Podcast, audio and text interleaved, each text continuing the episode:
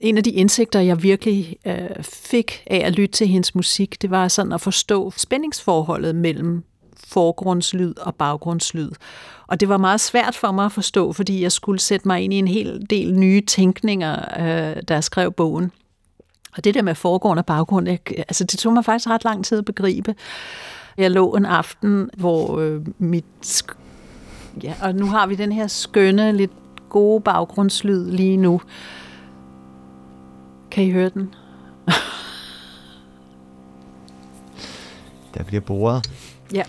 Det er jo meget sigende for emnet, kan man sige. Ja, helt sikkert. Så kommer der lige noget. Nogen, der borer. Mm, mm.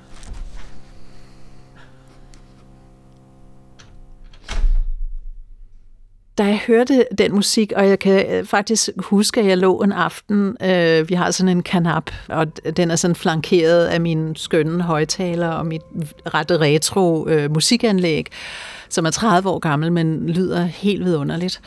Øh, og så lyttede jeg til albummet, og så i lytningen, der var det den der fornemmelse af, at indimellem tænkte, kommer den der lyd ned fra gaden, eller er det en found sound, som er sådan på en eller anden måde sådan integreret i musikudtrykket? Og der var det, jeg på en eller anden måde begyndte sådan virkelig at forstå, hvad det her spændingsforhold mellem forgrund og baggrund er, og hvordan for eksempel sound studies forskerne, de nogle gange arbejder med at forsøge at gøre folk netop bevidste om de der, altså at man lytter efter, og man forstår, hvad det er for noget, der foregår.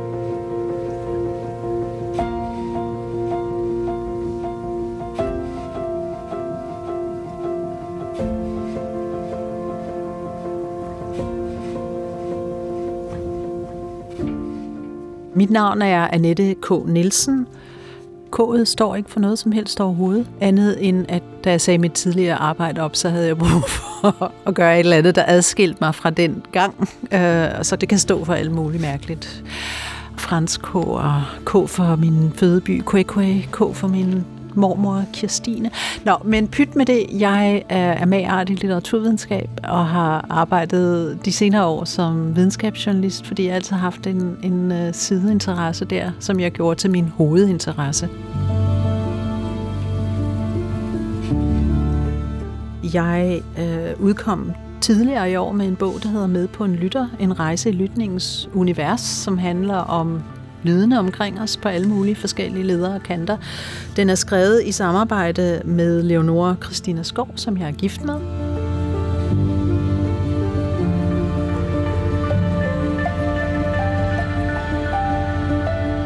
Jeg har valgt at tage et album af en britisk musiker, der hedder Frances Shelley, uh, Songs of Possibility fra 2021, med her og fortælle om, hvorfor Lige præcis den musik har inspireret mig, ikke mindst under skrivningen af Med på en lytter, men i det hele taget.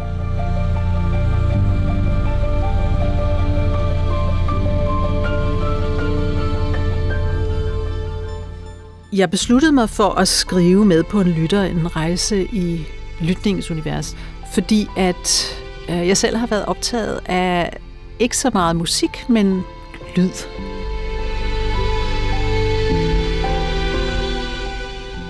Jeg har skrevet en hel del øh, artikler til Weekendavisen om lyd, om lydforurening og støjforurening, men også om dyrenes skønne vokaliseringer og hvordan dyr de kommunikerer med hinanden og hvad det betyder.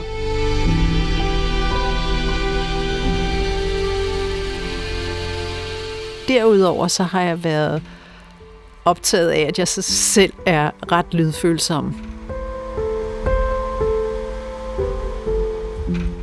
Jeg læste en artikel for nogle år siden, hvor en øh, finsk forsker pegede på, at mellem 20 og 40 procent af befolkningen faktisk er det, man kan kalde lydfølsom.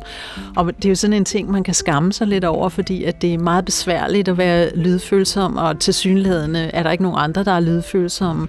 Men øh, det er ret udbredt i virkeligheden. Så jeg havde også lyst til at skrive bogen for at, at sætte fokus på, på det fænomen.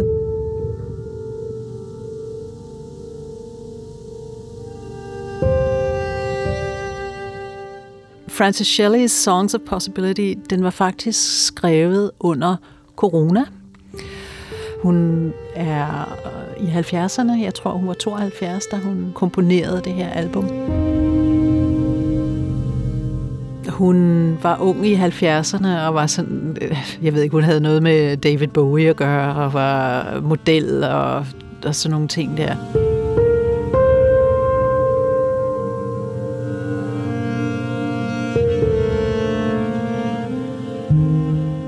Jeg havde faktisk hørt podcasts øh, non-stop i overvis, øh, men for at skrive den her bog, der blev jeg simpelthen nødt til at, at droppe øh, og høre så mange ting, få så meget ind i mine ører.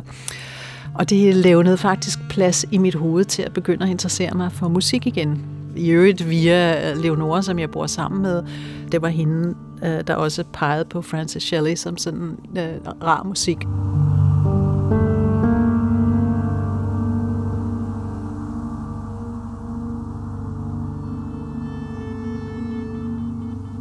Det endte med ligesom at blive et soundtrack til bogen på et tidspunkt, fordi en af de indsigter, jeg fik, mens jeg skrev bogen, øh, fik jeg leveret af interviews med nogle øh, folk i Aarhus, Sound Studies øh, forskere. Noget af det, som Sound Studies-forskerne er optaget af, det er forholdet mellem forgrund og baggrund. Hvad for nogle lyde, der er i forgrunden, og hvad for nogle lyde, der er i baggrunden, og hvordan vi ligesom bevæger os frem og tilbage i den bevidsthed om de, hvor lydene optræder henne.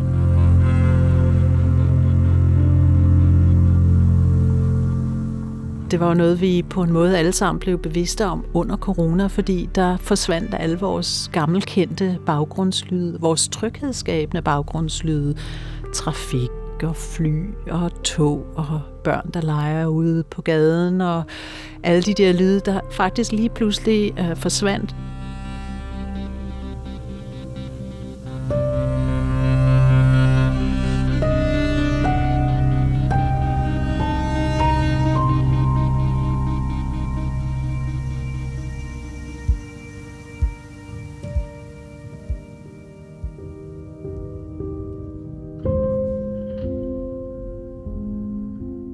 Og så blev vi opmærksom på nogle andre lyde, og de lyde, de var ikke så nogle behagelige baggrundslyde, de var så nogle lidt, lidt hvad sker der? Øh, de her lyde plejer jeg ikke at høre. Øh, hvad betyder de?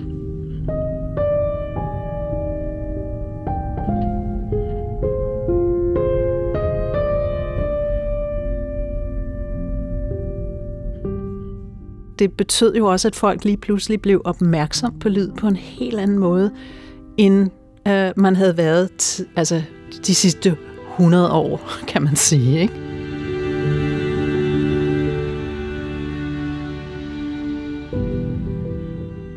Og det, der er interessant, synes jeg, ved Francis Shelleys musik, når man lytter til nogle af skæringerne, ikke så meget gennem hovedtelefoner, men hvis man lytter til musikken ude i rummet, så bliver man lidt i tvivl om, nogle lyde, man tænker, er det på albummet, eller er det nogle lyde nede på gaden, eller hvad er det, der foregår?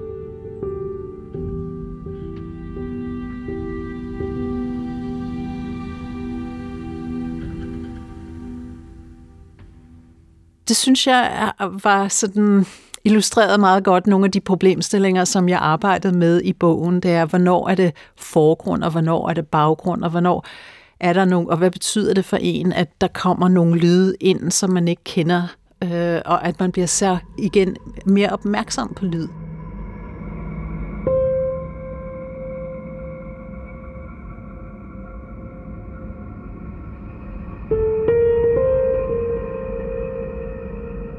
Noget af det, jeg gjorde, mens jeg skrev, det var også at forsøge at praktisere det, man kunne kalde deep listening. Øh, det er en amerikansk, nu afdød komponist, der hed Pauline Oliveros, der ligesom opfandt udtrykket deep listening, men det er ikke fordi, at hun opfandt fænomenet, kan man sige. Og det handler jo simpelthen om at åbne ørerne og lytte meget mere bevidst, end man er vant til.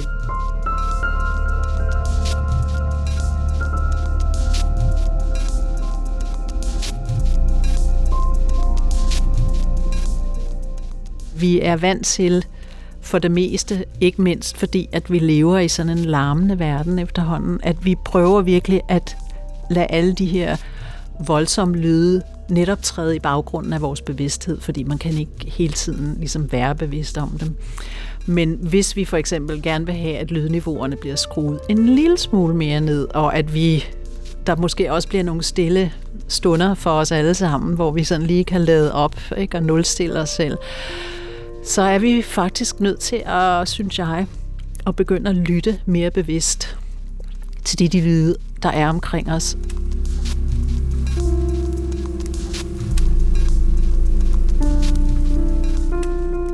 Der tænker jeg ikke kun på de gode og dejlige lyde, men også hvad skal man sige, det samlede lydlandskab, som vi alle sammen er sænket ned i.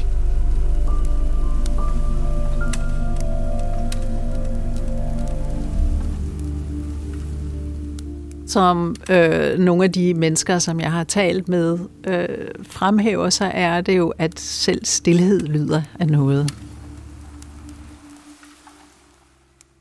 En af de øh, forskere, som jeg øh, citerer i bogen, han har lavet sådan noget feltarbejde på hospitaler, og sygeplejerskerne og lægerne sikkert også, de siger, at stillhed er faktisk, så ved man, at det er for sent. Så er det forbi, fordi så er vedkommende død. Så liv er lyd, og lyd er liv. Vi bliver ikke fri for det, og vi laver alle sammen lyde hele tiden. Ikke? Og det er også det, der gør det så vanskeligt, et fænomen at have med at gøre, fordi vi er, vi er alle sammen lydproducenter på den ene eller den anden måde. Ikke?